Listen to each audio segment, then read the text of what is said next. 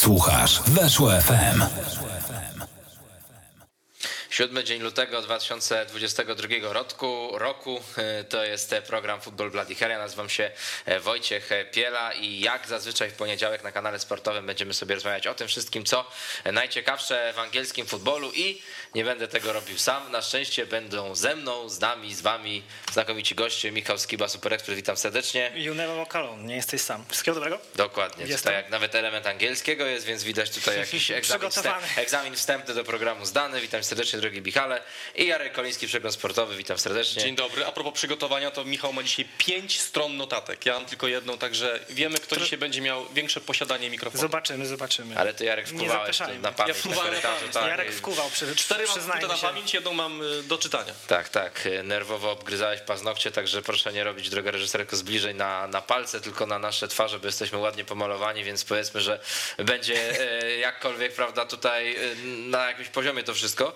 E, natomiast jako, że ty jesteś Michał, to pewnie niektórzy mogli pomyśleć, że będziemy rozmawiać o skokach darciarskich i było o czym rozmawiać, bo Kanada dzisiaj zdobyła medal Igrzysk Olimpijskich w skokach. To ja tylko jest... przeproszę, że nie mhm. jestem Aleksandrą Rajewską, choćbym się starał.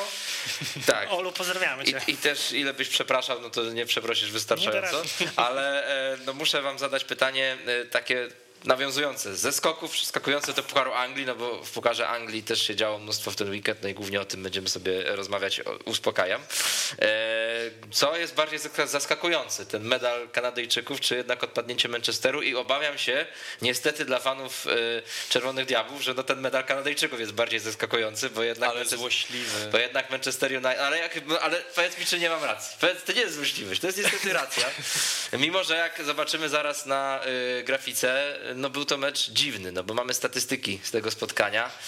No i e, tak samo jak ten medal Kanadyjczyków jest medalem dziwnym, no bo ktoś lecił ten konkurs, Mam, to wie, że tam było statystyk. mnóstwo dyskwalifikacji czołowych zawodniczek. Gdyby nie to, no to e, Kanada by tego medalu nie miała. No to tutaj też gdyby Ronaldo wykorzystał rzut karny, gdyby Fernandes nie trafił w słupek, gdyby no tę przewagę Manchesteru udało się odzwierciedlić w strzelanych golach, no to być może dzisiaj mówilibyśmy o całkiem niezłym występie ekipy Ralfa Rangnika i też pewnie może inaczej w ogóle byśmy zaczynali program, no bo ile odpadnięcie Manchesteru jest cały czas mimo wszystko jakimś zaskoczeniem, no to i awans Middlesbrough takim zaskoczeniem by nie był. No ale koniec końców remis y, w regulaminowym czasie gry, remis po dogrywce, y, porażka w karnych, swoją drogą bardzo fajna ta seria rzutów karnych, długo te karne były naprawdę perfekcyjnie wykonywane do momentu, aż podszedł Elanga. Gdańsk się przypomniał i tam też te rzuty karne Manchesteru United w finale Ligi Europy. I mamy odpadnięcie Manchesteru. Y, Wojtku, Jakie wrażenia? Wojtku, zanim Jarosław rozpocznie tę na temat Manchester United, ja się z chęcią dołączę, pewnie tak, pewnie tak będzie. Odpowiem na twoje pierwsze pytanie. Uważam mimo wszystko, że jednak y, medal Kanadyjczyków jest większą sensacją niż, niż odpadnięcie Manchesteru United, chociaż Manchester United, aż trudno w to wierzyć, że 150 lat historii Pucharu Anglii, on, y, oni nigdy nie wygrali serii rzutów karnych w Pucharze hmm. Anglii. No to jest, nie do, nie, to, to jest niewyobrażalne. Czas... W ogóle, czy na tak. swoim stadionie? Bo mi się wydaje, ja czytałem taką statystykę, Czyli że mamy na swoim stadionie, ale możliwe że, możliwe, że w ogóle, tak. Ja się doczytałem, że to jest to jest klub, który nigdy nie wygrał serii rzutów karnych. Teraz mam lekkie wątpliwości, ale czasem jak sobie myślę o Manchester United i o serii rzutów karnych, to mam wrażenie, że ostatni raz United karne wygrało na Łużnikach w 2008 roku i, i ciężko sobie przypomnieć, kiedy te karne były ostatnio wygrane. Chyba chyba sześć z ostatnich siedmiu serii rzutów karnych Manchester United w ogóle przegrał, więc to, no to jest jakaś klątwa. No, klątwa też się zaczęła wcześniej, bo Ronaldo tego karnego nie wykorzystał też w regulaminowym czasie gry. No i to wszystko się składa na odpowiedź, że jednak Kanada jest większą sensacją na skoczni. Normalnie w Jiangjiakou, nie wiem czy Anglicy by wypowiedzieli tą nazwę. Polacy nawet nie wypowiadają za dobrze, więc może Czego zostawmy, jestem dobrym przykładem. Więc może zostawmy to Chińczykom. Jarku, zabrakło wykończenia tutaj, czy jednak ty byś się gdzieś głębiej dopatrywał przyczyn odpadnięcia Manchesteru? Zabrakło wykończenia, no bo przecież do przerwy spokojnie powinno być 3-0, 4-0 i Middlesbrough nie mogłoby mieć pretensji, że te gole straciło, bo naprawdę Manchester pod względem samej gry nie wyglądał źle. Były sytuacje, były okazje. Mm, no, najbardziej zadziwiająca była ta nieskuteczność Ronaldo, który ani z przewrotki nie trafił, ani nie trafił z karnego, ani no w ogóle nic mu tego dnia nie wychodziło. Widać było, że z każdą minutą jest coraz bardziej e, sfrustrowany. Także przede wszystkim tego zabrakło i tutaj myślę, że Rangnick, e, Ralf Rangnick będzie, e, jest zawiedziony tym bardziej, że jak do tej pory czasami się zdarzało, że mm, jego drużyna nawet słabiej grała niż, niż w tę sobotę, w, w piątek właściwie, bo to mecz był w piątek. piątek, ale jakoś przepychała te, te, te mecze. I zdarza się, że w lidze rzeczywiście te mecze są przepychane 1-0, 2-1 i te punkty są tam do, dopisywane do tabeli. No ale tym razem po prostu się to y, nie udało. No i to jest wina tylko i wyłącznie tych, którzy wykańczali, próbowali wykańczać y, te akcje. No i efekt jest tego taki, że słuchajcie, no w, w, pod koniec sezonu będziemy mogli odbębnić prawdopodobnie piąty sezon z rzędu Manchester United bez zdobytego trofeum. Taka seria nie zdarzyła się jeszcze ani razu mm, po, tej, y, po tym odejściu Alexa Fergusona na emeryturę. Także to jest zatrważająca statystyka i tutaj w ciężkim momencie, bo myślę, wydaje, że możemy trochę szerzej, szerzej spojrzeć na na ten klub. W ciężkim momencie, trudnym momencie wchodzi do klubu nowy dyrektor wykonawczy Richard y, Arnold, który musi teraz podjąć kilka bardzo kluczowych, ważnych decyzji do końca y, sezonu. Przede wszystkim musi wybrać y, nowego trenera. Ja mam nadzieję, Czy on już jest wybrany? i tak to sobie wyobrażam. Nie, nie, może, może niekoniecznie jest wybrany, ale że, że to się już dzieje, że nikt nie będzie czekał parę miesięcy na to, że i potem z łapanki brał, tak jak y, też Tottenham się na tym wyłożył latem tamtego roku.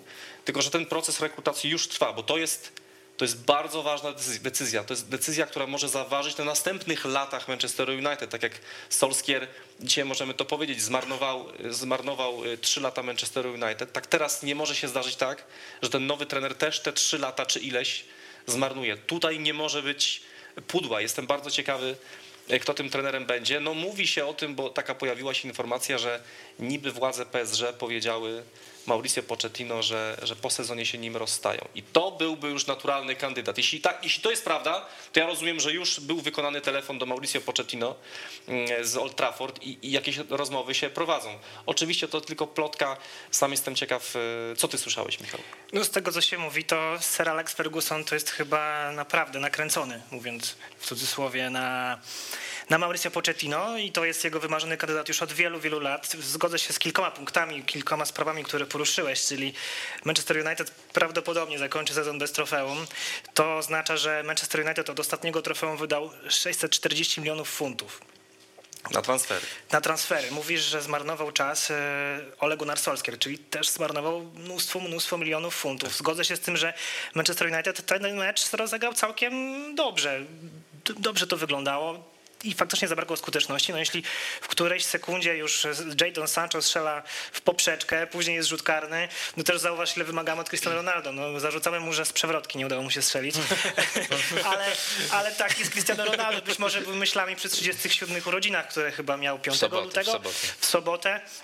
Wydaje mi się, że faktycznie gdyby ta skuteczność była mm, lepsza, no to, no to jednak tą rozmowę i te wypowiedzi Jarka byśmy odłożyli przynajmniej do następnej rundy.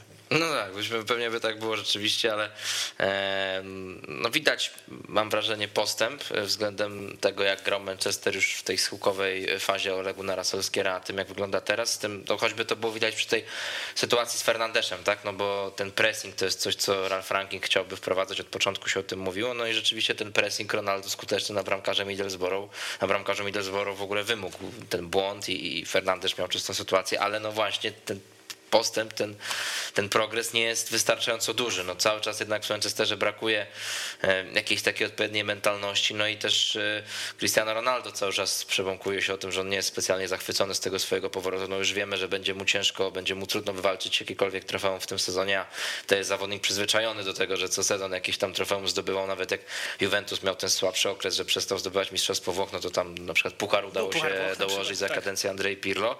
No i, i to, co ty Jarek mówisz, to względem Pochettino, to w ogóle też natrafiałem na takie informacje, że możliwa by była jakaś taka niecodzienna wymiana, że Pochettino by poszedł do Manchesteru, a Ronaldo do PSG, tak? Też Real Madryt się mówi o tym, że mógłby Ronaldo znowu przechwycić, także ciekaw jestem, jak będzie to No, ja wyglądało. bardziej też tutaj nazwisko Pogbu umiejscowił w tej całej Pogba, no to konstelacji. Co, co do Pogby, no to podobno Manchester United zwrócił się z taką prośbą, żeby jeszcze się wstrzymał z jakimiś nie wiem, negocjacjami z innymi klubami albo z ogłaszaniem transferu właśnie do momentu ogłoszenia nowego menedżera, albo przynajmniej tego, że oni mu powiedzą już, kto będzie tym nowym trenerem. Rashfordem, no żeby wtedy ewentualnie miał jeszcze jakąś tam nową perspektywę na to, że nie wiem, jak będzie na przykład Pochettino i ten Pochettino Pogba uzna, no to to jest fajny gość, no to wtedy mogę przedłużyć kontrakt, tak na tej zasadzie. I to jest właśnie to, o czym mówię, że ten trener musi być wybrany szybko, właśnie między innymi po to, żeby taki Ronaldo, taki Pogba wiedzieli na czym stoją, czy mogą jeszcze liczyć na coś, że z tym Manchesterem coś wygrają, a Pogba, no to ja tutaj od paru miesięcy daję Mm. hashtag kontrakt dla Pogby, bo naprawdę, no, no nie mogę sobie wyobrazić sytuacji, że takiego grajka puszczają za darmo, więc muszą zrobić wszystko, żeby, żeby on został, a żeby go przekonać, to trzeba zatrudnić teraz trenera, który będzie gwarantował naprawdę skok jakościowy, który będzie gwarantował to, że ten zespół pójdzie e, do przodu. Jest też jest taka, taka ciekawostka dotycząca tego, tego meczu. Nie było, czy inaczej, w kadrze meczowej było dwóch bramkarzy na ten mecz. Dlaczego? Ponieważ nie było Jesse'ego Lingarda, który dostał kilka dni wolnego po tym, jak no, był sfrustrowany, niezadowolony, mm, ponieważ nie udało mu się zimą odejść e, z klubu. No i dostał kilka dni. Uwaga, stało się to bez wiedzy trenera. I Ralf Rangnick był e, zaskoczony tym i powiedział dziennikarzom, ja nic na ten temat nie wiem, nie wiem gdzie on jest, y, dostał wolne. To jest niewyobrażalne. Nie. Tak, dostał wolne i czy wy myślicie, że naprawdę dałbym piłkarzowi 4-5 dni, kiedy mi tu brakuje piłkarzy? Nawet takie pytanie mi zadał, więc to też jest dziwne, że trener o takich rzeczach nie wie i to taki trener, który jednak y, kojarzył nam się z tym, że lubi trzymać pieczę nad wszystkim, co się dzieje w klubie, więc taka, no, to pokazuje taki no, bałagan w tym, w tym klubie I, i tu musi pojawić się człowiek z mocną psychiką, y, z mocnym charakterem, który to wszystko po sezonie mm, poukłada, bo, bo to, to, że dojdzie do wielu zmian w Manchesterze, to chyba jesteśmy o tym przekonani. Kilku piłkarzom kończą, kończą się kontrakty. Tam jest na pewno Lingard, na pewno jest Cavani, na pewno jest, y, zaraz wypisałem sobie, Mata, no, który okej, akurat pewnie Ale karnego strzelił. Tak, i no i Pogba. No i to, jest, to jest ta czwórka, y, z którą albo trzeba się dogadać, albo ich puścić, więc y, też y, to a propos tego nowego dyrektora, też jakieś decyzje muszą tutaj A, a zapaść. jeśli nie Pochettino, to czy wy macie w ogóle jakąkolwiek listę, y, może niekoniecznie, y, która ma jakąś hierarchię, ale trenerów, którzy mogą ewentualnie przejąć Manchester United i zostać takim trenerem właśnie, którego by chcieli w, w United, trenerem na lata, który by budował, budował, nie marnował pieniędzy, albo przynajmniej wygrywał trofea. No bo teraz jak się rozgląda człowiek na rynku, to no, nie Erik jest. ten Hag. Wydaje mi się, że to byłby dobry kandydat, tylko że no, no wiemy, co się stało, kiedy pojawiły się plotki łączące go z Tottenhamem. Przedłużył kontrakt z Ajaxem. Widać, że... że, że, że Ceni sobie kulturę pracy chyba w Ajaxie Chyba tak, ten Hag. no i jedynym klubem, który mógłby go skusić i chyba próbował, to jest Bayern Monachium, a jeśli, jeśli zn- znając Holendrów i ich e, etykę pracy, jeśli, jeśli Erik ten Hag z takim dystansem sobie teraz patrzy na to, co się dzieje na Old Trafford, to to chyba nie jest wymarzone miejsce dla niego e, do pracy. To samo Tottenham, który, no, historię Tottenhamu i, i dobór trenerów, menadżerów w ostatnich miesiącach znamy, więc to też nie jest takie miejsce, które by ten Hag chciał wziąć.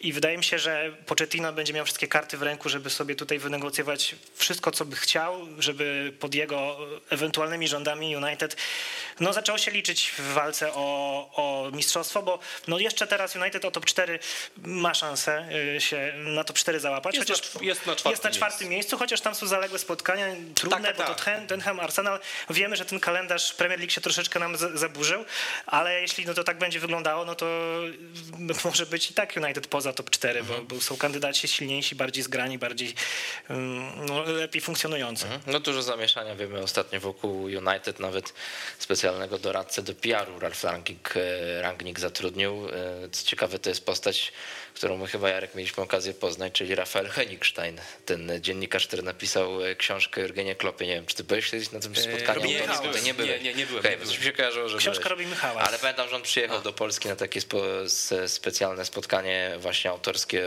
od- odnośnie do książki Jurgena Kloppa, bo on właśnie napisał taką biograficzną. On jest zatrudniony przez The Athletic, ale zdecydował się wziąć sześciomiesięczny urlop, no bo właśnie Rangnick jakoś go tam poprosił, żeby mu Wow. doradzał w tematach I PR-owych. teraz powiedz mi, co jest bardziej, co jest bardziej absurdalne. Jak my mówiliśmy pierwszy raz o trenerze odrzutów z autów Liverpoolu, czy jednak doradca medialny? Czy doradca medialny, to dla mnie nie jest nic w ogóle, no to pewnie podejrzewam, że... Takich speców kluby mają. Znaczy nie wiem, czy trenerzy mają, Mają, ale osobistych taki głośny takich, ale, klub, ale, ale wiesz, kluby mają mnóstwo takich, takich ludzi i, i no choćby ostatnia konferencja prasowa PZP no pokazuje, że czasami doradcy do PR-u się przydają i przydaje się ich słuchać i, nie, i, nie, i, i są ludzie, którzy nie do końca y, chyba to rozumieją, ale tak zostawiając Ale też powiem ci, że Honigstein był pierwszy, który piał zachwytu nad y, zatrudnieniem Rangnika w Manchester United, więc no widzisz, no, wszystko się czyli składa sobie, robił, czyli całość. sobie robił dobry grunt, ale jeszcze chciałem powiedzieć o, o innych rzeczach, no bo y, tak jak tydzień temu dużo tutaj rozmawialiśmy o Masonie Greenwoodzie, no to jest kolejny update, tak, przez ten tydzień okazało się, że wyszedł y, z zakaucją z y, aresztu, no ale zawieszony cały czas przez Manchester United, nie może. Wygumkowany ze wszystkiego, co się da. Wygumkowany ze wszystkiego, co się da, ale to też no, jest temat, który szatnie podobno trochę podzieli, że są piłkarze, no, którzy nie chcą z nim utrzymywać już kontaktów, są tacy, którzy czekają na jakieś tam wyroki czy coś takiego. Rangnick tylko tak no, krótko się do tego odniósł, mówiąc, że no, na pewno to nie jest coś, co nam pomaga i zasiało to zamęt, no i trudno mu się dziwić. No a co do tych transferów różnego rodzaju gdzieś plotek, no to ten środek pola, to wydaje mi się, że to będzie rzeczywiście ten, to miejsce na boisku, które będzie chciał Manchester latem zaatakować, no bo widać, że tutaj też cały czas Rangnick gdzieś szuka cały czas odpowiedniego ustawienia, no bo próbował już też e, gry z Maticiem, z McTominayem, czyli trochę takiego defensywnego bardziej ustawienia. Też Fred wydawało się w pewnym momencie, że będzie takim zawodnikiem, który zyskał u niego, bo zanotował kilka niezłych meczów. Tutaj z kolei teraz wrócił Pogba, tak, no po tych kilku miesiącach przerwy, no i był Pogba, Fernandes i McTominay, czyli no trochę takie bardziej ofensywne ustawienie w środku pola i no rzeczywiście wyglądało to nieźle, ale koniec końców Manchester nie awansował, więc to też jest cały czas takie trochę kręcenie w tym samym sosie. No kibice Manchesteru już to wiedzieli, Solskier to samo, tak, on próbował raz tak, raz tak, raz było lepiej, raz było gorzej, ale no mówi się o takich nazwiskach Declan Rice, Calvin Phillips, Amadou Hajdara, tak, żeby rze- rzeczywiście ktoś jakościowy do tego środka pola dołączył i no zobaczymy jak to wyjdzie, natomiast tak jeszcze pozostając chwilkę przy temacie tego meczu, no to muszę was zapytać o tego gola Mata Kruxa, no bo też było mnóstwo kontrowersji, ręka Duncana Woodmora, e, czytałem o tych zmianach w przepisach, tak, no bo e, zakodowało nam się w głowie tak, że, Że jakakolwiek ręka, ręka. przy akcji ofensywnej, no to jest nieuznany gol i koniec, natomiast e, IFAB, International Board, czyli to ciało, które ustala przepisy gry w piłkę nożną, ta wyrocznia, podobnież te, te przepisy w ostatnim czasie zmieniła, no i dotyczy to tylko zawodnika, który strzela gola, czyli że gdyby Matt Crooks dotknął tę piłkę ręką, no to nieuznany byłby gol, ale że zrobił to Watmore, który, i że to było przypadkowe, tak, no bo zostało A uznane, jaka że, świadomość że strzelca, który chciał. po, po golu się cieszył, Nawet wiedział, Chris Wilder powiedział przecież, że on był przekonany, że ten gol nie będzie uznany, no bo pamięta jeszcze czasy Premier League, jak pracował w Sheffield, no i wtedy te gole były po prostu z automatu anulowane, a tu poczekano chwilę, VAR tego nie anulował, no ale oczywiście ze strony Rangnika i kibiców Manchesteru no duże pretensje. Ja się tylko zastanawiałem, czy piłkarze Borough są tak pewni tego gola, że on jest zdobyty zgodnie z aktualnymi przepisami, że się tak cieszyli, czy że zapomnieli, że w Pucharze Anglii jest VAR, bo w Championship VARu nie ma. I jeszcze bym dorzucił taki kamyczek, żeby było trochę kontrowersyjniej, to chyba przecież Howard Webb cały czas jest y, we władzach IFAB-u, a od lat mówiło się, że Howard Webb jest sędzią, który sprzyja Manchesterowi United, więc teraz taki nagły przewrót y, i, i, i sytuacja zupełnie odwrotna. No moim zdaniem, skoro są takie przepisy, to no to niestety muszę się z nimi e, zgodzić e, i, i ten gol no, faktycznie był uznany słusznie. No, przyjął piłkę, pomógł sobie ręką, ale nie był tym, który strzelił e, tego gola ostatecznie, więc no, jest to jakieś promowanie gry ofensywnej, zwłaszcza, że to przyjęcie piłki było no, takie na, na muśnięcie, chociaż równie dobrze mogę się taką wypowiedzią ośmieszać, bo ręka to ręka, ale Znaczy mi się wydaje, że wiesz co, że tam jednak to, Sytuacja to, bardzo to zagranie było takie zbyt pomagające. No ja mam takie zwłaszcza, wrażenie, że... zwłaszcza nie bez powtórek, tylko w tym pierwszym obraz, obrazku to, ja to się rozumiem, wydawało, ja rozumiem argumentację, ale ja bym tego gola nie uznał. No. Ja też. Absolutnie. No dla mnie to jest jakby. Ja wiem, przepis jest przepis, okej. Natomiast y, rzeczywiście też mi się wydaje, że to, to, to przyjęcie piłki ręką było pomagające. Mhm. Dzięki temu łatwiej było mu tą piłkę zagrać. I, i ja jak zobaczyłem tego gola, mówię, nie no to za chwilę Tak, się tak. anulują go i jestem w szoku, że to się nie, nie, nie stało. No ale dobra, no widocznie są mądrzejsi No od tak. nas. Natomiast odpowiadając na twoje pytanie, jak, jak to jest, co piłkarze Middlesbrough sobie myśleli po tym golu, mi się wydaje, że jak grasz w Championship, przyjeżdżasz na Old Trafford, strzelasz tam gola, to ty nie myślisz, ty po prostu jesteś, jest- jesteś w euforii, a co będzie, to będzie. No pewnie tak. No cóż, jedyny pozytyw dla United koniec końców płynący z tego weekendu w FA Cup, no to można powiedzieć, że dobry występ Jamesa Garnera, wypożyczonego właśnie z United do Nottingham, bo e, defensywny pomocnik tego klubu odegrał bardzo ważną rolę Ja w tylko, zwycięstwie. ja tylko Wojtku dodam, mamy 7 lutego, y, sezon trwa i zgadnijcie ile rzutów rocznych już wykonał Manchester United i nie zdobył po nich gola. 115. 82. 138. Niesamowite, niesamowita sytuacja. Zwłaszcza, że y, kobieca drużyna Manchester United jest liderem w klasyfikacji. Goli z rzutów rożnych. Ostatnio było kobiecej drużynie Manchester United w kontekście debiutu córki Solskiera, teraz w kontekście rzutów rożnych, także trzeba ustalić taki kącik zawsze tutaj, że co tam słychać w kobiecej drużynie Manchester United. Będziemy do tego Będzie wracać. się nazywał w narożniku boiska. Narożniku boiska. E, James Garner i, i koledzy pogonili obrońców tytułu. E, Leicester no, z hukiem wylatuje z kor Anglii, porażka 1 do 4. Mamy też z kozakiem e, weekendu, no bo uznaliśmy, że Jet Spence e, naprawdę na to mianę zasługuje i to jest nazwisko, które już kolejny raz pada w naszym e, programie, bo pamiętamy też zwycięstwo Nottingham z Arsenalem w poprzedniej rundzie i dobry występ tego młodego zawodnika na prawym wahadle, coraz większe zainteresowanie klubów Premier League i, i trudno się dziwić, bo jeżeli on nie awansuje z Nottingham Forest do tej ligi, no to wydaje mi się, że albo za sezon, albo za dwa już go pewnie będziemy widzieć. Tutaj bardzo ładny gol, właśnie na 4 do 1, takie wykończenie w stylu rasowego napastnika, no i też tutaj widzimy na grafice sporo przechwytów wygranych pojedynków. Aktywny to był zawodnik, czego nie możemy powiedzieć o obrońcach Leicester, choćby Daniela Marteju czy Jamesie Justinie, no bo ogromne błędy popełniane przez defensorów Lisów i Też mamy duży chaos i zamieszanie w klubie, no bo już przed tym meczem Brendan Rodgers mówił o potrzebie dużych zmian latem. Mówił o tym, że, że będzie choćby nie wiem, z pięciu czy sześciu zawodników, których trzeba się będzie pozbyć. No i oczywiście dziennikarze mają na myśli głównie Westergarda czy Ajoze Pereza, czyli takie no, kosztowne pomyłki ostatnich lat, no bo Westergaard kosztował 18 milionów, Perez 30, no to to nie są frytki. E, Ale jak sobie spojrzymy na ten skład Leicester na mecz z Nottingham, no to Perez i Westergaard byli na ławce, co z jednej strony pokazuje, że no Rodgers rzeczywiście im nie ufa, ale ten skład nie był taki słaby. Zagrał choćby Yuri Tillemans, który też od jakiegoś czasu, no dużo się mówi, że on może mieć głowę zajętą tymi tematami transferowymi, no bo jemu się kończy kontrakt po następnym sezonie. Ta saga z przedburzeniem trwa trochę, trochę za długo.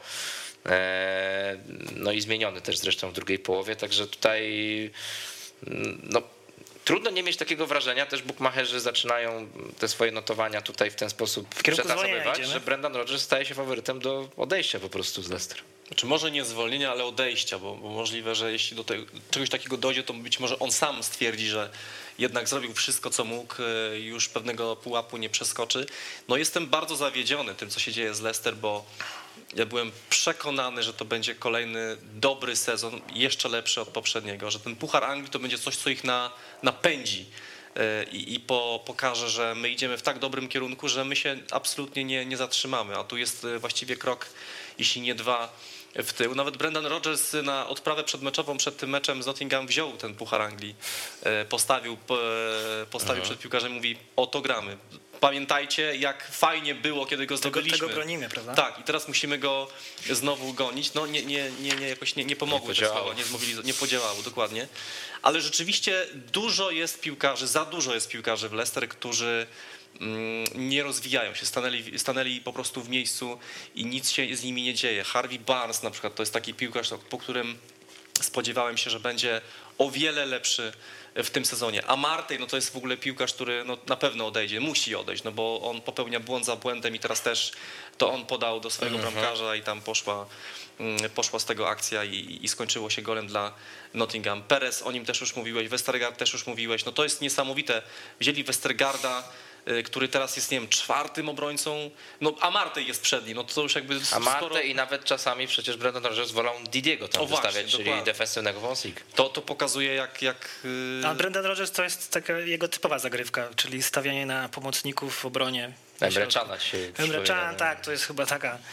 e, No ale to jest przede wszystkim wyraz e, braku zaufania. Zresztą jak tak sobie e, prześledzimy zimowe okienko transferowe, to wiemy, że Leicester żadnego transferu nie dokonało, no i to jest gdzieś tłumaczone tym, że latem dopiero chcą rzeczywiście tę kadrę przebudować, zaatakować. Zresztą no, zimą nie zawsze ci dobrzy zawodnicy są do wyciągnięcia. Jak sobie spojrzymy na te transfery Leicester, to w ostatnich latach właściwie tylko Ndidi, on rzeczywiście przychodził zimą z Genku.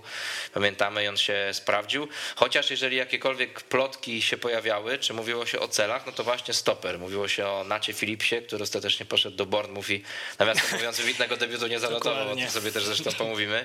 Swoją drogą to jest taki niezły przeskok. Tu przecież Nat Phillips jeszcze nie tak dawno grał w Lidze Mistrzów z, Z Milanem, Madryt, wygrywał tak? Liverpool z Milanem, no i Albo teraz tym sezonie. porażka z Borhamut piątoligowym.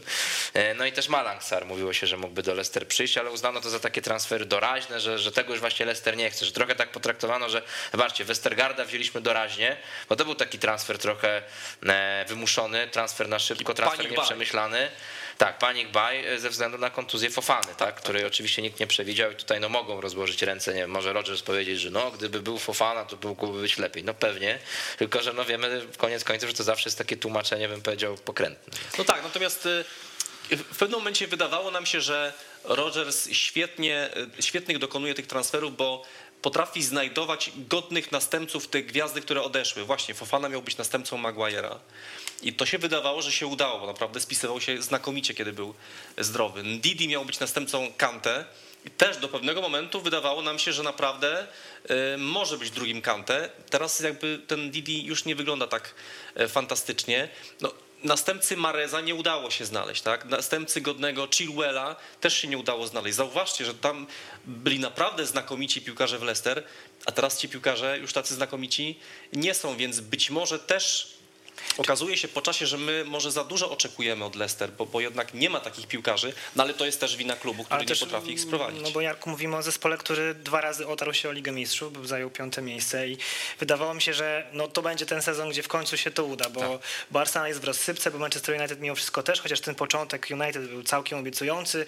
Chelsea wygrała Ligę Mistrzów, no to okej, ona byłaby zaliczana do drużyn z top 4, Liverpool City e, wiadomo, to Tottenham nie wiadomo. Mhm. Więc wszystko wskazywało na to, że, że być może to jest ten sezon, gdzie, gdzie Leicester City zdobędzie awans do Ligi Mistrzów i no teraz wiemy, że to się w ogóle nie uda, że sezon dla, dla Lisów już jest praktycznie skończony, został im tylko dwumecz w Lidze Konferencji Europy z Randers FC, czyli piąty zespół Ligi Duńskiej, więc Będziemy się przyglądać. Zbyt dużych atrakcji na Może tam się mogą dać będzie. ciekawe rzeczy, tak. Mogą się, biorąc pod uwagę, że Tottenham w tych rozgrywkach potrafił z mistrzem Słowenii murą przegrać, to ja bym się nie zdziwił, jakby Leicester tam z tym Randers miał problemy. I też y, dodałbym jeszcze Czagrala w Sojunczu do tych wszystkich transferów, które są trochę nieudane, bo mi się wydawało, że to będzie taki gość, który no, przyszedł w bardzo młodym wieku do Leicester, chyba mając 21 lat czy 22, i że to będzie obrońca, który będzie rósł, rósł, rósł, oczywiście już nie w trybie fizycznym, ale takim mentalnym i, i, i umiejętnościowym. I bardzo zawiódł mnie Jose Perez, cały jego transfer, gdyż gdy był jeszcze piłkarzem Newcastle, wydało mi się jedynym powodem, dlaczego warto włączyć mecz Newcastle, a teraz y, no, nie jest takim powodem, dla którego warto włączyć mecz mm, Leicester. Leicester. I jest to też piłkarz, jeden z takich, których może by próbowali zastąpić Jamie'ego Wardiego, bo mówiłeś o tych wszystkich próbach zastępstwa Chilwella, Kante, Maguire'a, no to też będzie problem Leicester zaraz, bo, bo swój termin ważności ma Jamie Vardy, chociaż stara się bardzo mocno go przedłużyć i trzeba będzie, trzeba będzie rozejrzeć się też za napastnikiem i, i chyba to nie będzie Ineacho, to nie będzie ten piłkarz, który weźmie na barki Daka? ofensywę. Może Patson Daka? no ma może, swoje bo jest- momenty, ma tak. swoje momenty, ale żeby był drugim Wardim, no Wardi jest tylko jeden. No zresztą wiemy, że od- odnośnie do tego, co ty mówisz, no to też Czaglar Sojunczu mam, mam wrażenie, że on o wiele lepiej wygląda, kiedy ma obok siebie takiego lepszego partnera, czyli kogoś e, na zasadzie Fofany albo A to miał być taki piłkarz, który będzie powodował coś takiego No, wśród innych. ale- nie? Właśnie, to- Sojunczu w każdym razie jest kolejnym z tych zawodników, którzy bardzo rozczarowują. To Ale wiecie, jak patrzymy sobie na taki duet stoperów, tak jak e, no, mieliśmy teraz, czyli Sojunczu a Marty, no tutaj trudno wskazać lidera, bo jeden i drugi jest tykającą bombą, a też ci zawodnicy, o których tu mówimy, czyli ci, ci liderzy, e, czy takie legendy, można powiedzieć trochę Leicester, zwłaszcza e, Wardy, Schmeichel, czy, czy Mark Albrighton, no bo oni przecież pamiętają te, te czasy mistrzowskie, do tego można, nie wiem, Evansa dorzucić, on mistrzem nie był, ale też swoje w Leicester pograł i na niezłym poziomie, no to też im te kontrakty się kończą po następnym sezonie, więc tutaj no po prostu e, na pewno latem też mogą się pojawić pytania względem Brendana Rodgersa, nawet nie dlatego, że nie wiem, ten sezon będzie rozczarowaniem prawdopodobnie i trzeba będzie powiedzieć, że nie wiem, ten Rodgers jakiś popełnił błędy, tego trzeba zwolnić, tylko po prostu czy Brendan Rodgers jest gotowy na przebudowę tego klubu, czy tego Ale- zespołu, ale- bo to nie jest tak, że on latem musi sprowadzić jednego piłkarza, tylko dwóch, trzech, czterech Tak. i to trzeba zrobić e, umiejętnie, bo to, to też, co ty Jarek mówiłeś, to dawało przewagę Leicester, bo e, no, należy o tym pamiętać, że Leicester nie dysponuje takim budżetem jak Manchester United, jak Chelsea, jak Liverpool, jak Manchester City, jak Tottenham, jak Nawet jak Arsenal nawet, nawet jak Everton, a on z tymi klubami chciał walczyć, na tę półkę chciał wejść. E, No jeżeli ty wydajesz 30 milionów na Pereza i to się nie sprawdza, 18 za Westergaarda i to się nie sprawdza, no to, to, to jakby drugiej szansy może nie być takie City, tak? Chwalimy oczywiście Guardiolę, bo jest za co, ale nie wiem, na, na Danilo wydał 30, nie wyszło, no to okej, okay, przed Cancelo jest następny i wychodzi, tak?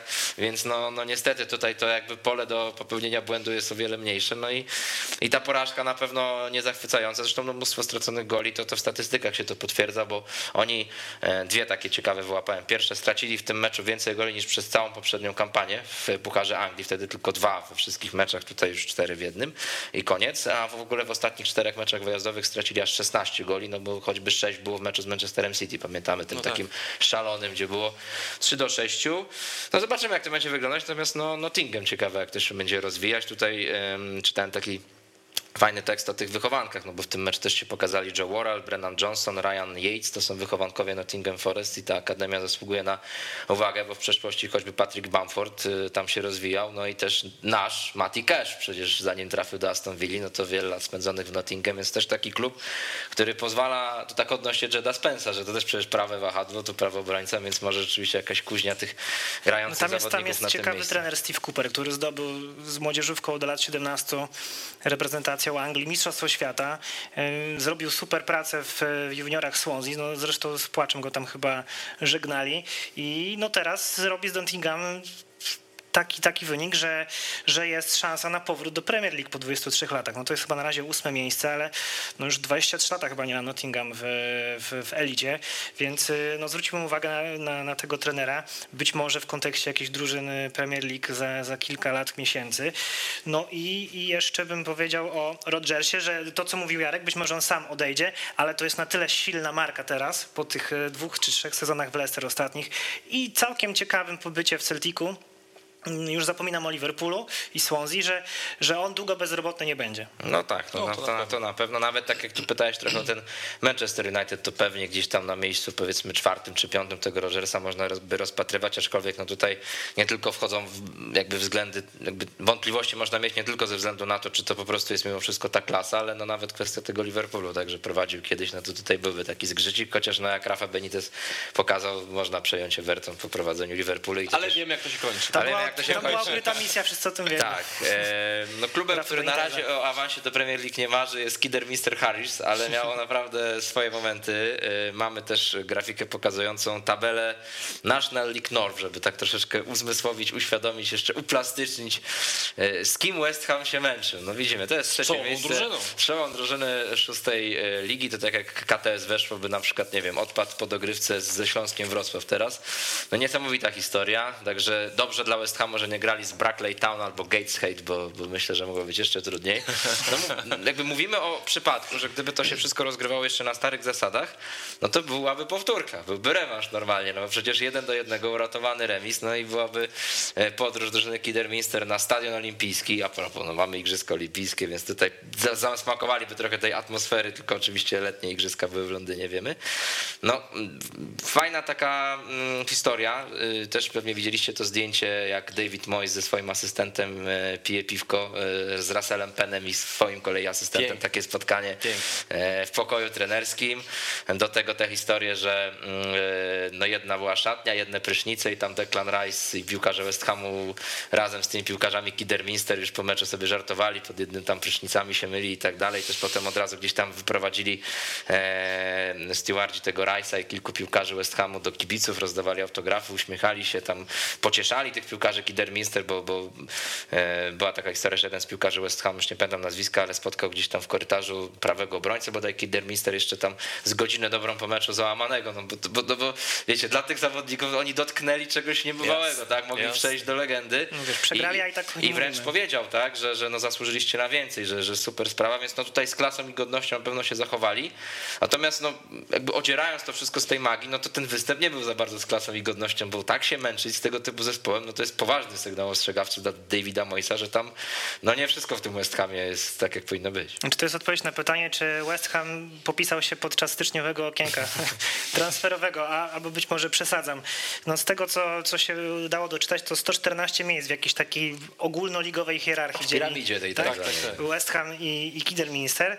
Y, no i, no jestem w szoku, że w ogóle taki mecz miał miejsce, że, że Declan Rice musiał z Pablo Fornalsem zrobić po prostu błyskotliwą akcję, żeby w 92 minucie Declan Rice uderzył chyba najmocniejszy strzał w całej swojej karierze, żeby po prostu wyrównać, żeby doprowadzić do grywki. A nie wiem, czy widzieliście radość Pablo Fornalsa, który po prostu po tej asyście, po tym golu tak wyskoczył w powietrze z radości, jakby przynajmniej zdobył puchar Anglii, a nie e, Ta radość kibiców. West Hamu też, to w ogóle było dla nich tak jakby naprawdę, no zremisowali, nie wiem, z Chelsea w ostatniej minucie. Tam było nie? chyba z 1500 kibiców West Hamu, Tak. co oznacza, że chyba było z 30% całego stadionu.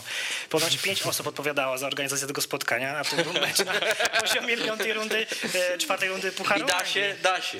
Ale, ale y, nie wiem, czy widzieliście, jak David Moyes jak się cieszył z tego gola zwycięskiego. Otóż się nie cieszył, tylko stał po prostu, wiecie, sztywny. No. Ale ja mu się nie dziwię, bo dla niego i tak to była kompromitacja, i tak było wkurzenie, że ta dogrywka e, musiała nastąpić, kiedy za chwilę będą ważne mecze, kadra jest wąska, więc te pół godziny dodatkowe meczu to jest dla niego nieszczęście. Natomiast ja do West Hamu jeszcze wrócę, ale taką ciekawostkę powiem wam o o Kidderminster, jaka jest tajemnica sukcesu tego klubu. Otóż zwycięskie pigułki tak zwane są sukcesem tego klubu. Otóż kiedyś jeden z piłkarzy Kidderminster znalazł w swojej kosmetyczce w szatni, wyjął, patrzy, tabletki tranu, jest tran, znalazł po prostu, w, nie, nie wie skąd się to wzięło i tak mówi, chłopaki, chcecie tran? I rozdał wszystkim piłkarzom po tej jednej tabletce. Oni to połknęli, popili wodą, na drugi dzień wygrali mecz.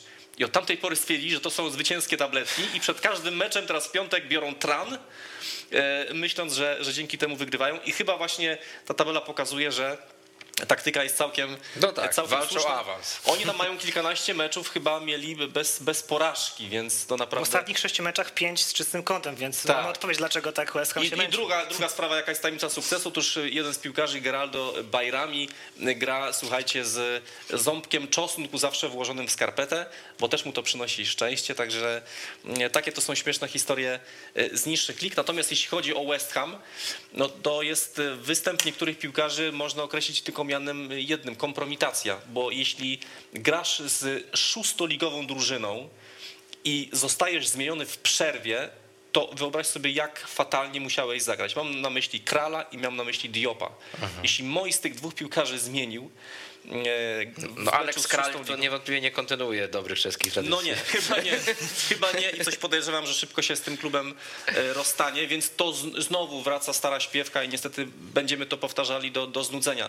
Kadra West Hamu to jest tylko 11 piłkarzy pierwszych, ale jak chodzi o, o jakąś szer- szerszą kadrę, o dawanie szansy rezerwowym, tam już nie ma tej głębi. Mhm. No nie ma, no też e, no wiemy jak słaba była ta pierwsza połowa, no bo tam chyba jeden strzał tylko oddany przez drużynę Młotów i e, to jest takie najbardziej przerażające, no bo rzeczywiście w tej drugiej połowie ta końcówka, no to już była taka kompletna dominacja tego West Hamu, tylko no powiedzmy rozpaczliwa obrona drużyny Kiderminster mm, sprawiała, że, że ten gol mm, padł tak późno, no ale też trudno się dziwić, no jeżeli ty się bierzesz za atakowanie tam w 70 minucie, no to czasem nawet z takim zespołem może się tak zdarzyć, że, że nie strzelisz tego gola, w końcu udało się Rice'owi, no i nasunęły się niektórym takie porównania ze Stevenem Gerrardem, że to też taki środkowy pomocnik, związany mocno z tym klubem.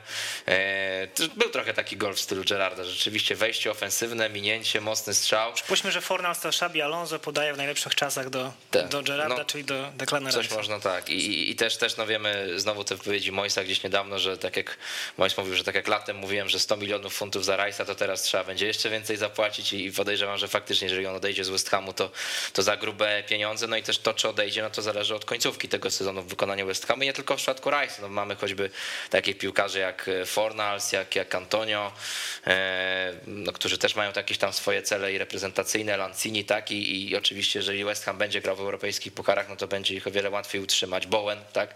Który też przecież się pokazuje, zresztą strzelił tego gola Double, bardzo double, ważnego. 10 goli, 10 asyst w tym E, sezonie. No ale jeżeli West Ham nie awansuje do pucharów, no to podejrzewam, że takiego Rice'a czy Bowena będzie bardzo trudno utrzymać. Moim zdaniem Manchester United zrobi wszystko, żeby tego piłkarza sprowadzić. Tak mi się wydaje, że, że no United mają pieniądze i dla nich wydanie 100 milionów, y, ponad 100 milionów na, na pomocnika będzie pewnie bolało, ale myślę, że jest to do zrobienia, zwłaszcza jeśli nowy trener powie, od tego zaczynamy budowę drużyny, a wydaje mi się, że od tego powinni zacząć A budowę jakby tam drużyny. jeszcze był na dodatek Calvin Phillips, no to w ogóle byłby taki... No nie, ale do dwóch nie Pi- kupią, piękny wiesz, początek, ale Calvin pewnie Phillips tak się- są gru, grube To by miliony. było kolejne 100, bo być może trochę mniej. Tak, tak, tak. Zastanawiam się, dlaczego West Ham e, tak, e, tak biernie działał na, na rynku transferowym w styczniu. Może tych pieniędzy nie mają, Podobno wiesz, jest może- tak, że nie ma pieniędzy i przychodził do właścicieli, a raczej do czeskiego właściciela e, kretyńskiego, tak? Dobrze Mhm. powiedziałem. E, Przychodzi Mois i mówi, że chcemy tego i tego. On mówi, dobra, zastanowimy się, zapytamy. Później wracała odpowiedź, była informacja zwrotna, że no niestety nie da rady. A tak naprawdę pewnie te rozmowy nawet nie zostawały podejmowane, bo, bo z tego, co się mówi, to Delali był oferowany, West Hamowi, Ross Barkley, który chyba 400 minut zagrał tylko w tym sezonie w Chelsea, więc takie nazwiska, które by no, mogły, jeśli faktycznie wykorzystają swój potencjał, mogły pomóc e, West Hamowi w grze w, ofensyw, w ofensywie, bo, no bo sam Michał Antonio, Mikael Antonio, którego nie było, bo wracał z Jamajki, no to on nie, nie pomoże e, West Hamowi w tych celach, które no, gdzieś mają w głowie No tak, wszyscy tak, na to, to zdecydowanie Londynie. Declan Rice, który wiemy, że z kolei też ma swoją przeszłość w Chelsea i którym swego czasu był bardzo mocno zainteresowany Frank Lampard i jako właśnie argument za tym, żeby go nie sprowadzać, podobno pani dyrektor Granowskaja podawała to, że jak to będzie wyglądać, że przecież my tutaj mieliśmy go i go sprowadzimy za 80 baniek, no każdy powód jest dobry, w każdym razie no... United nie mieli tego problemu, kiedy Pogbę sprowadzali, No no, za, tak, za tak. 80. Tak, tak. I to i tak no, Mourinho mówił, że to przecena, tak? Mówił, że zaraz, zaraz, zaraz będzie tak. Lamparda, ktoś kupowany za 200 milionów. To był Lamparda Neymar wiemy, że faktycznie. już nie ma w Chelsea, Ja ale... tylko bym dodał, że Aha, kibice proszę West Hamu byli bardzo wściekli na nawet na ten gol wyrównujący Declana Rice'a, bo no już wspominałem o tej super radości Rice'a, Fornasa i tak dalej, ale zaczęły się takie przekomarzania między kibicami, że spójrzcie jakimi jesteśmy yy, piłkarzami, jaką mamy mentalność. Strzelamy szóstoligowej drużynie gola i się cieszymy jak, jak szaleni, a Steven Bergwijn wyrównuje na Leicester na 2-2 i co robi? Bierze piłkę i, i strzela, próbuje tak. i, strze- i udaje mu się strzelić gola na 3-2. No tak.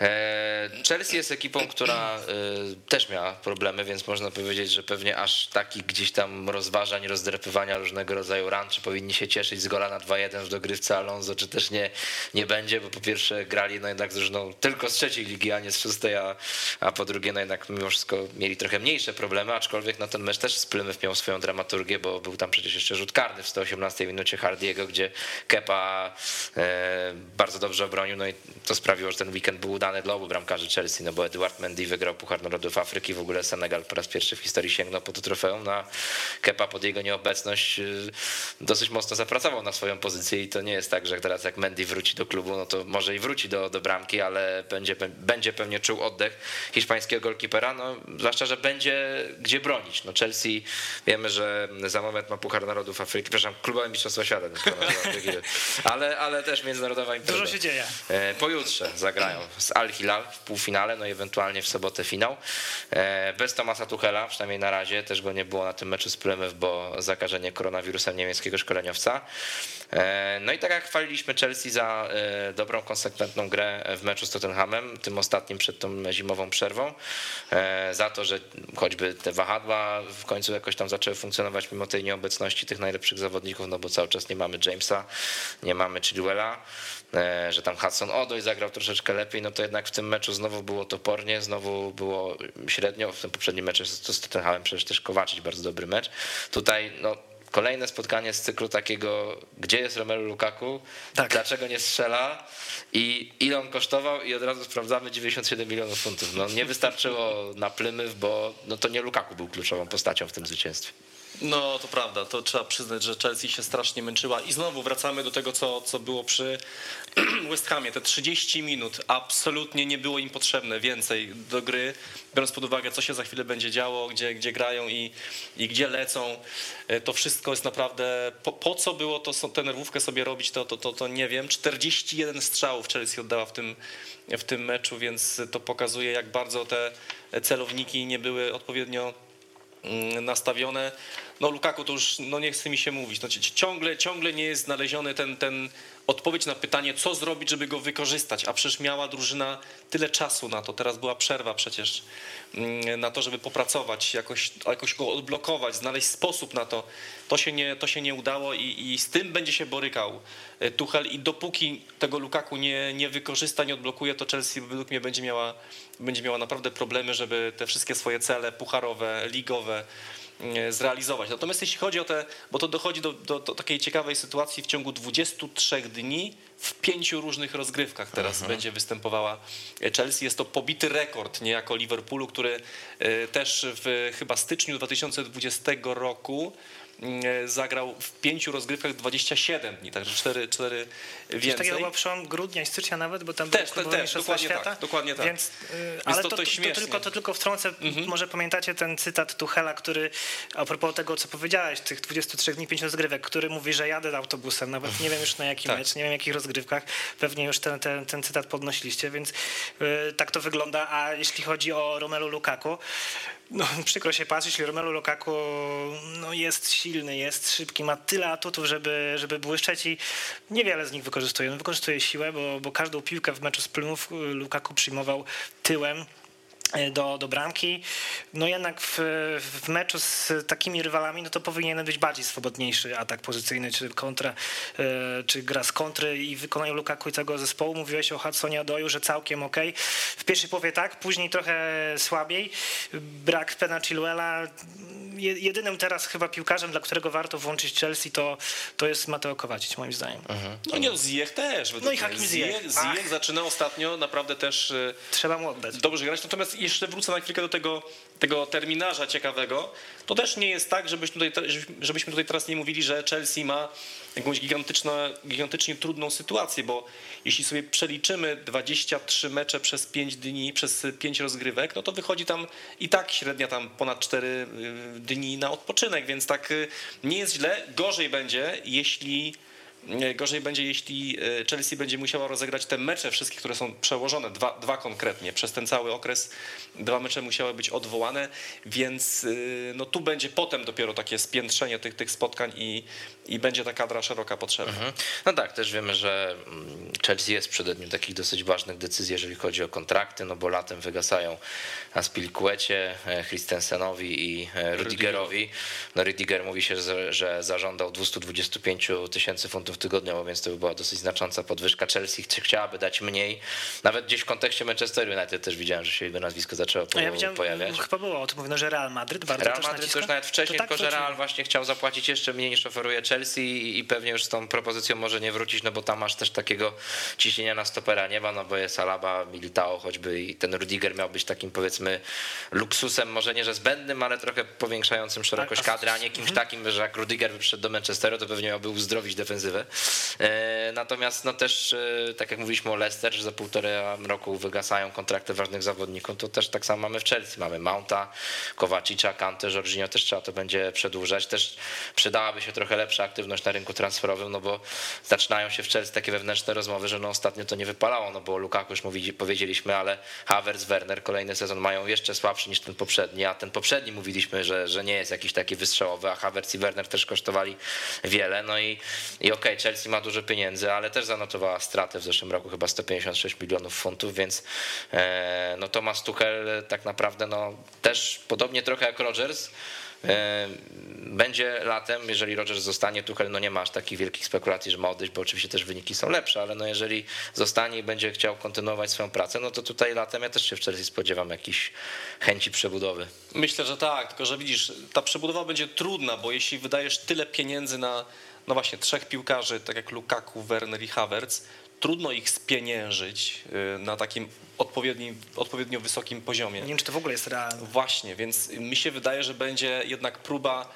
I ja nie wiem oczywiście, jak to było zimą. Czy Tuchel próbował nakłonić swoich szefów do tego, żeby zimą ktoś przyszedł, ale nawet uważam, że jeśli by poszedł, to powinien usłyszeć zdanie i być może usłyszał: Słuchaj, ty lepiej tutaj spróbuj odblokować mi Wernera i Havertza, bo oni kosztowali kupę pieniędzy i mieli być gwiazdami, a ty ciągle jakby tego, tego nie zrobiłeś. Więc wydaje mi się, że na to jest teraz nastawienie, żeby czekanie na to, że może ta trójka zacznie dawać tyle, ile powinna, bo jeśli oni zaczną dawać tyle, ile powinni, to Chelsea nie potrzebuje nowych piłkarzy tak naprawdę. Jeśli chodzi o formację ofensywną, bo obrońcy, no to o tych kontraktach, o kontraktach mówiliśmy, więc y, to jest rzeczywiście największe wyz- wyzwanie teraz, przed jakim stoi Tuchel. Co zrobić, żeby ci piłkarze drodzy w utrzymaniu i drodzy, jeśli chodzi o, o sumy transferowe, po prostu dawali tyle, na ile ich stać, bo wiemy, że są to piłkarze o gigantycznych umiejętnościach. Mhm.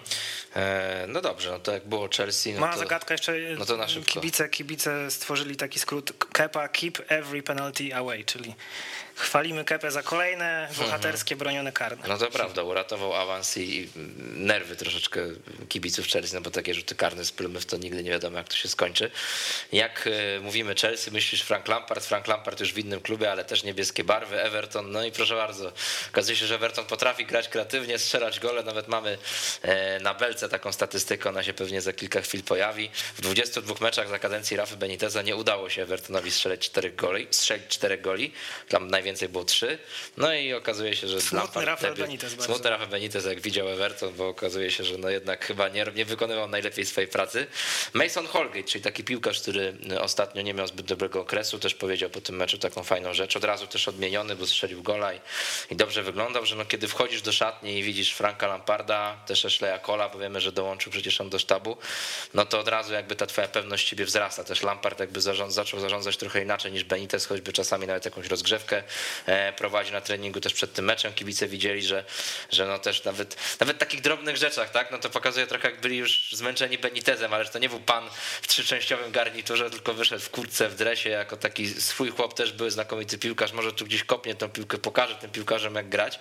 No i okazuje się, że nawet bez Van de Beeka, bez Alego, czyli be- bez tych piłkarzy, którzy dopiero mają odmienić trochę Everton, w środku pola też przecież zabrakło Dukure, czyli ważnego zawodnika, no zagrali, e, zagrał między innymi Andre Gomes, e, no to dało się, E, też trochę zmieniona e, taktyka, bo, bo 3-4-3, Antony Gordon też kolejny fajny mecz, no i tutaj Brentford może jakby też trochę potwierdziło to, że ostatnio jest w słabej formie i, i było takim idealnym trochę rywalem na dzień dobry dla, dla tego pressingu, dla tej intensywności dla Evertonu, ale trzeba to było zrobić i czapki z głów. No wydaje mi się, że Brentford po pierwsze wyglądało jak zespół z Championship e, w tym spotkaniu. Mhm. Co najmniej. Co, co zdecydowanie ułatwiło Evertonowi w. Wiesz, Middlesbrough by się obraziło na przykład.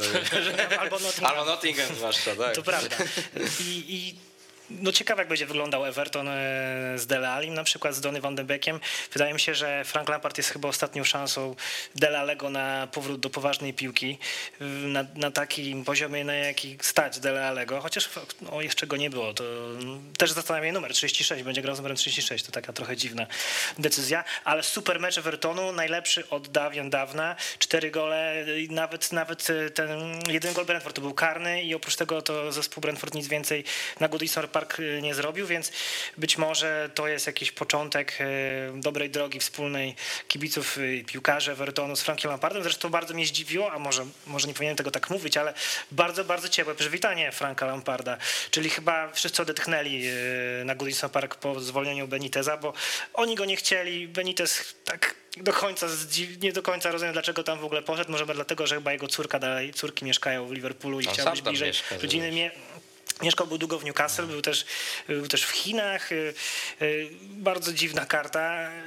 Teraz chyba będzie lepszy czas dla, dla, dla Evertonu i prawdziwa próba dla Franka Lamparda, czyli nie, dla, nie zespół z absolutnego topu, jakim była Chelsea, nie z dołu, jakim było Derby, tylko taki zespół, na którym można się rozwijać, budować, y, myśleć, rozwijać, jeszcze raz dodam. No to zatrudnienie Lamparda to jest taka zupełna zmiana kursu prowadzenia drużyny, trzeba to jest- przyznać. to Pod, pod względem atmosfery, bo wiemy, że Benitez to nie jest człowiek, którego się lubi, który jest takim bratem łatą, który w Mhm. szatni zrobi atmosferę. Absolutnie nie, przeciwnie. No i on też nie pokaże tych ćwiczeń na treningu, To też, dokładnie to, tak, prawda? dokładnie tak. A dwa, że inaczej zupełnie ma wyglądać e, drużyna, która ma nie być taka schowana, nie bazować na kontratakach, tylko ma być taka uwolniona. Pamiętamy Chelsea Franka Lampada. To była drużyna, która grała z polotem, która strzelała dużo goli, która stosowała wysoki pressing. I teraz też tak Everton ma grać i w tym pierwszym meczu od razu było to widać, ci piłkarze wreszcie mogli ruszyć do przodu, to co, to co lubią, a nie tak jak Benitez trzymał y, tego konia za lejce i, i, nie pozwalał mu się rozwinąć. Także tam atmosfera się poprawiła, zresztą piłkarze po, po, podkreślali, że no nie ma co ukrywać, no ta atmosfera ostatnio nie była najlepsza i, i, i teraz wreszcie mogą spokojnie pracować, mają już takie luźniejsze głowy, więc, więc to wygląda wszystko bardzo dobrze. To, co tylko mi jakby zgrzyta trochę w tej, w tej nowej taktyce Evertonu z trzema środkowymi obrońcami, to jest to, że no w tej taktyce bardzo ważni są wahadłowi, a tych wahadłowych Everton to nie bardzo... Nie, No nie to bardzo Mykołenko z Kolmanem zagrali. Mykołenko z Kolmanem. Mykołenko nie wykonał ani jednego y, dośrodkowania w pole karne. Y, Seamus Kolon wykonał trzy, żadnego celnego.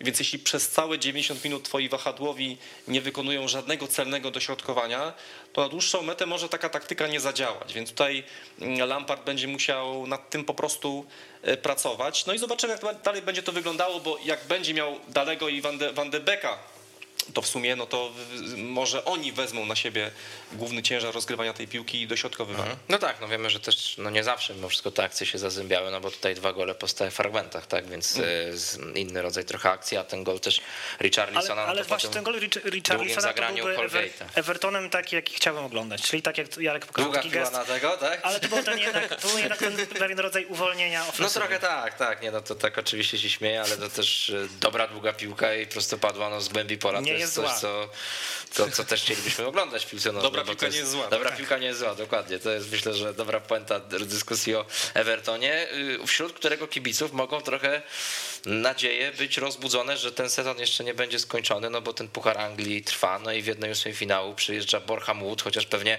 e, kibice West Hamu myśleli sobie, bo pamiętacie, nawet mi się przypomniała taka, taka rzecz, że powiedziałem tutaj w tym studiu, bo West Ham w poprzedniej rundzie znacznie spokojniej pokonał znacznie lepszą drużynę, czyli Leeds przecież, tak? Wtedy 2 do 0, no i mówiliśmy, że no przez to, że mieli takiego trudnego rywala już od razu na początku, no teraz pojadą do Kidderminster, więc pewnie trochę spokojniej, no i guzik, prawda?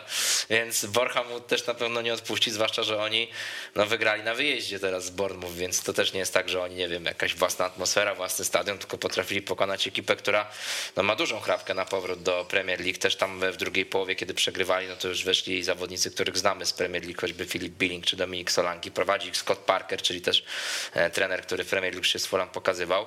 No i kompletna dominacja w posiadaniu piłki, ale na nic się to zdało, no i Borja Wood, zespół, który nigdy nie grał y, na tym poziomie profesjonalnym. Oni maksymalnie to byli w finale playoffów o tę czwartą ligę, y, chyba w sezonie 17-18, już jak trenerem był Luke Garrard, bo on tam mm, kilka lat pracuje też jako piłkarz, wcześniej był i przegrali wtedy Stranmere Rovers. No teraz też są na dobrej drodze, żeby walczyć o ten awans, ale przede wszystkim napisali piękną historię, no bo pokonać Bournemouth na wyjeździe to jest wielka sprawa dla nich. No mega, mega rzecz. To, to w ogóle, no dla nich to jest na najpiękniejszy dzień w historii ba, bardzo możliwe, ale podoba mi się podejście e, menedżera klubu, Luka Gerarda, 36-letniego e, trenera, czyli całkiem e, młodego, który e, powiedział, przyznał, że, chociaż nie wiem, czy on to przyznał, gdzieś czytałem po prostu, że zabronił swoim piłkarzom robić sobie e, przed meczem selfie z kimkolwiek, czy ze stadionem, czy, czy z jakimś piłkarzem Bormów, bo on mówi, bo to by wyglądało tak, jakby jakby to byłby wasz szczyt w ogóle marzeń, bycie tutaj, a, a my celujemy dalej. To nie jest tak, że my się na tym meczu chcemy zatrzymać, tylko my chcemy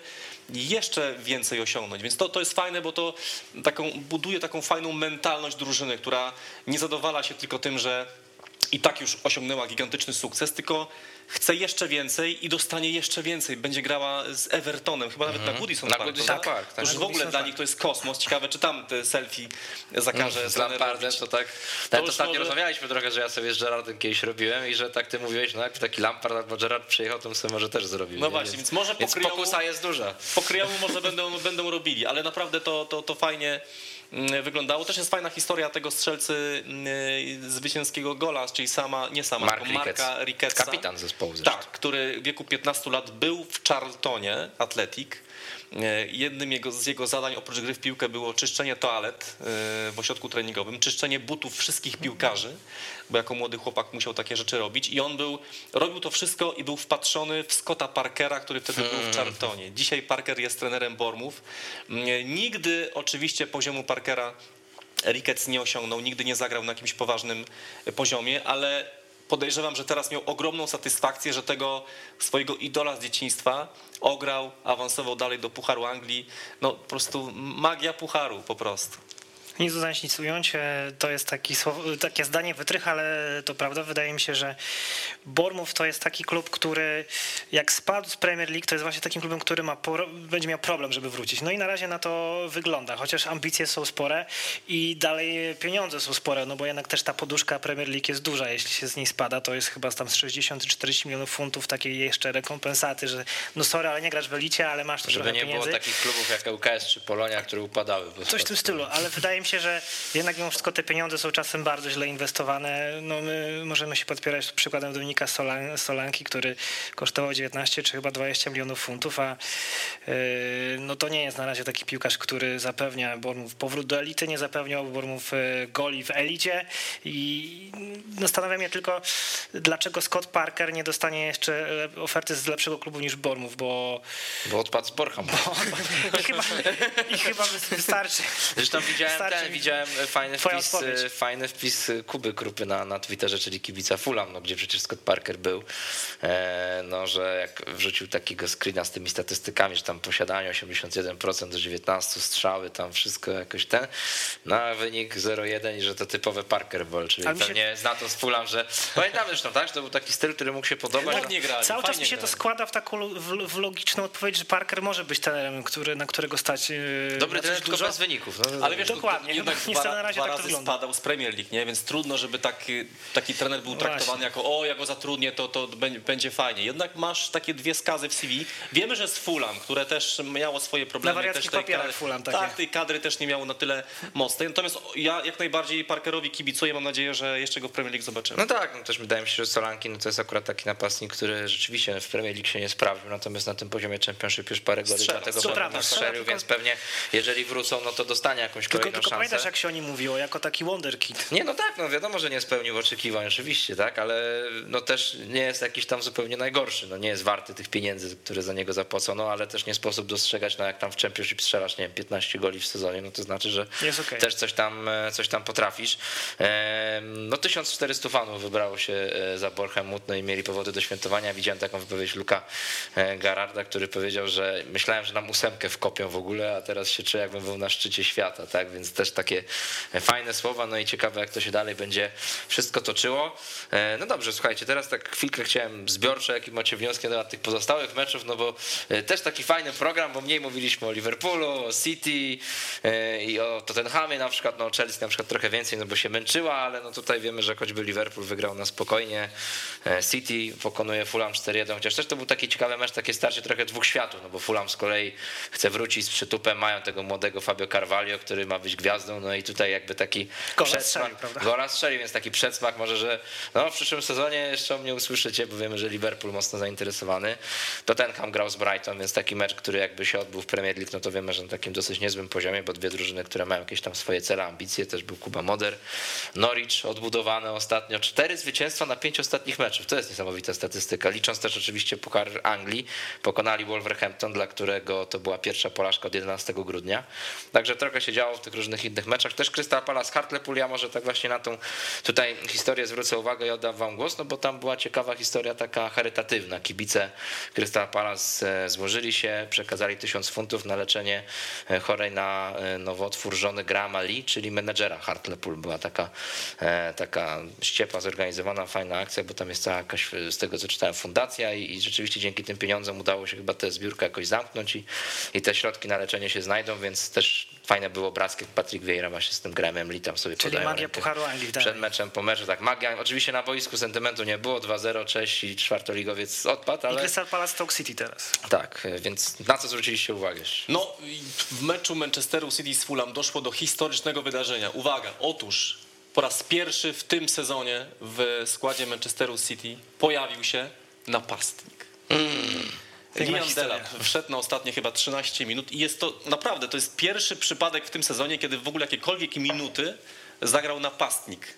Więc jak to w ogóle brzmi, prawda? No A wszystkie... to Jezusa już nie Właśnie liczymy, miałem tak? to- No już, że już na to nie wychodzi, że nie. Już napastnik. chyba jest traktowany jako skrzydłowy, więc chyba... To apel do ludzi z fantazji, A zmieńcie mu fantazja pozycję, jest bo Jarek napastnikiem. jak powiedział. No, wiesz, no, tak, tak, Fantazja jest napastnikiem chyba, prawda? No jest, jeden Fantazji jest, tak, tak, tak. Ja, wie, ja wiem, że to jest oczywiście na, naciągane trochę, Tak. natomiast on jest traktowany już teraz i przez Gu- Guardiolę zresztą też. No, był wystawiony na prawym skrzydle, więc ten nominalny napastnik na pozycji nominalnej dziewiątki Liam Delap 18 lat, mm, więc to, to jest nie, nieprawdopodobne, że, że Manchester City lider, który gładko sobie te rozgrywki za chwilę wygra, mm, przez cały sezon przechodzi bez nominalnego napastnika, ale ja temu chłopakowi kibicuję. 18 lat Liam Delap będzie mu piekielnie ciężko, żeby się przebić dalej w tej, w tej drużynie. No jeśli to są dopiero jego pierwsze minuty w tym sezonie, a być może latem, nie wiem, Harry Kane dojdzie, czy jakiś inny klasowy napastnik, to już w ogóle będzie miał e, problemy, ale może to będzie taki kolejny e, fajny piłkarz, który też się pokaże szerszej publiczności, jeśli nie w City, to w innym, to w innym klubie. No też wiemy, że nazwisko nieprzypadkowe, bo syn Rorego Delapa, także no presja jest. Jeśli- Dorównać tacie nie będzie łatwo. Jeśli ja mam zbiorczo o tych e, pozostałych spotkaniach, to Manchester City ok, stracił gola, ale chyba po kilkunastu, kilkudziesięciu sekundach wyrównał. Absolutna potęga to jest Manchester City i to, co mówi Jarek. Oni bez napastnika e, no po prostu rządzą w lidze. Mares wrócił z Pucharu Narodu Mahrez Afryki, od wrócił. razu dwa gola, I asysta. asysta. Zagrał super. E, Koszmar Jurgena Kloppa, bo Senegal i Dotarli do finału. Jeszcze w tym finale zagrali dogrywkę i karne, a Egipt, a Egipt po drodze miał cztery dogrywki, więc e, na pewno w znakomitej formie. Cztery? Chyba tak. W znakomitej, w znakomitej formie psychofizycznej Mohamed Salah wróci do Liverpoolu, w trochę lepszej Sadio Mane. E, Jeśli już się zatrzymaliśmy przy Liverpoolu, to fajny debiut Luisa Diaza. I- Chociaż od razu było welcome to England, jak powiedział Jurgen Klopp, bo go tam poskrobali nieźle, ale asystę zaliczył. Chociaż to była asysta trochę tak jak e, mini Amartey z Nottingham, że tamten obrońca zespołu Cardiff bardzo mu pomógł. Ale pod jego presją. No tak, no dlatego- Ważne, że od razu Diaz wiedział, co ma robić. Tak? W tej taktyce masz presować, presować, presować, No i- no i- wywar presję no tak. i z tego padł. No i potrzebowało na asystę 8 minut. Przypomnę tylko, że Jadon Sancho próbował chyba przez pół roku i w końcu też się udało. Y, Jeszcze spotkanie Tottenhamu i Brighton troszeczkę bez echa występy Jakuba Modera. I Chociaż bardzo, oddał strzał jeden. chociaż oddał tak. bardzo fajny debiut, chociaż to było tylko kilkanaście czy do 20 minut Rodrigo Batancura i jestem bardzo ciekawy, jak się będzie rozwijała przyszłość tego piłkarza w Tottenhamie, bo takiego piłkarza Tottenham być może potrzebuje, zwłaszcza, że Dombele wrócił do Lyonu, y, Hill wró- wrócił do Hiszpanii I tam y, czaruje i. Celso, czyli 120 milionów e, funtów wydane a w, i zmarnowane jak na razie, tak się wydaje. Co Conte zresztą wypomniał, prawda? Przed, przed tym meczem mówił, że, äh, że no, jak tak się oddaje na wypożyczenia piłkarzy, których się przed chwilą kupiło, to to są mistakes, to są duże mistakes. Mistakes, no tak. E, ale Harry Kane jakiś taki odbudowany, bo ten pierwszy gol, zwłaszcza jego, no to był taki w jego naprawdę stylu uderzenie sprzed pola karnego, bardzo precyzyjne. Napamiętaliśmy, jak narzekaliśmy na początku sezonu, bo on chyba po 10 czy 11 meczach miał tylko jednego gola w Premier League, no to bardzo mało. Teraz już w sumie ma 15 w całym sezonie, 8 za kadencji Conte, więc tutaj, no po pierwsze to jest zbyt dobry piłkarz, żeby przez cały sezon być w słabej formie, a po drugie być może rzeczywiście ta współpraca z Włochem działa na niego dobrze. E, też Southampton przeszło Coventry akurat bez udziału Jana Bednarka, ale tam bardzo ładny gol Stewarta Armstronga. Jeżeli ktoś nie widział, to polecam. I co ciekawe, dla Coventry gola strzelił Wiktor Gyökeres, czyli piłkarz, którego jeszcze nie tak dawno łączono z Legią Warszawa, tak mi się jakoś skojarzyło, także są gdzieś te wszystkie wątki powiązane, Legia, Anglia i tak dalej. E, No to na koniec, ale to tylko tak, żeby pokazać, e, pokażmy tweeta ze Skławki, no bo jeden mecz mieliśmy Burnley-Watford w tym, e, ten weekend e, z Premier League. Jarek, ostatnio o tym mówiłeś, co? Że długo Watford czekało na czyste konto, no to wrócił sympatyczny starszy człowiek, Roy Hodgson. Swoją drogą e, obrazek 74-letniego Roya Hodgsona w śniegu i deszczu, stojącego w kurtce na meczu w Berlin, to jak ktoś by się kiedyś zastanawiał, dlaczego piłka nożna ma tylu wyznawców na całym świecie i co to jest pasja do sportu, pasja do życia, to trzeba mu to pokazać, Woj- taki Wojtku, obrazek. Ja, ja, ja myślałem tylko, że to, to jest, jest. tablica strzelnicy biatlonowej Anny Mąki z dzisiejszego występu w Chinach. No dobrze, trzeba jednak ten, jak będzie hate park olimpijski, to zadzwonię do ciebie. Anglia, Legia, biatlon, co tu się dzieje? Kan- Zaczęliśmy od Kanady w skokach, kończymy na biatlonie, ale spokojnie, to naprawdę był program o Anglii, o, o piłce w Anglii, ale no tak, no w tym meczu na tyle się mało działo, że naprawdę uznałem, że wystarczy tego tweeta wyciąć, bo, no bo po prostu taki jest uśmiech i, i też w kontekście tego, co ostatnio rozmawialiśmy, no może jakiś krok do przodu dla Watfordu, no bo przynajmniej zremisowali na tych ostatnie wyniki, no to już jest dobry wynik, że jeden punkt i, i bez straty gola, więc można na tym coś budować, no ale też wiemy, że taki mecz że bezpośrednim... Kike Sanchez Flores tam się szykuje w blokach. Tak, e, mecz z bezpośrednim rywalem do utrzymania, no to pewnie by chcieli wygrać, ale spokojnie, nie całą rękę, tylko na razie palec dostali kibice Watfordu.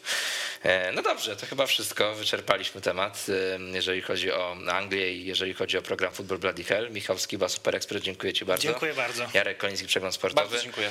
Spokojnie, za tydzień już wróci fantazy, także jak komuś brakuje naszych kompromitacji, to zostańcie, mm, trzymajcie za nas kciuki, żebyśmy wytrwali jako program jeszcze tydzień, to spokojnie wrócimy i w kolejnych tygodniach też będą jeszcze zestawienia fantazy. Trzymajcie się i do zobaczenia. Cześć. Słuchasz Weszło FM.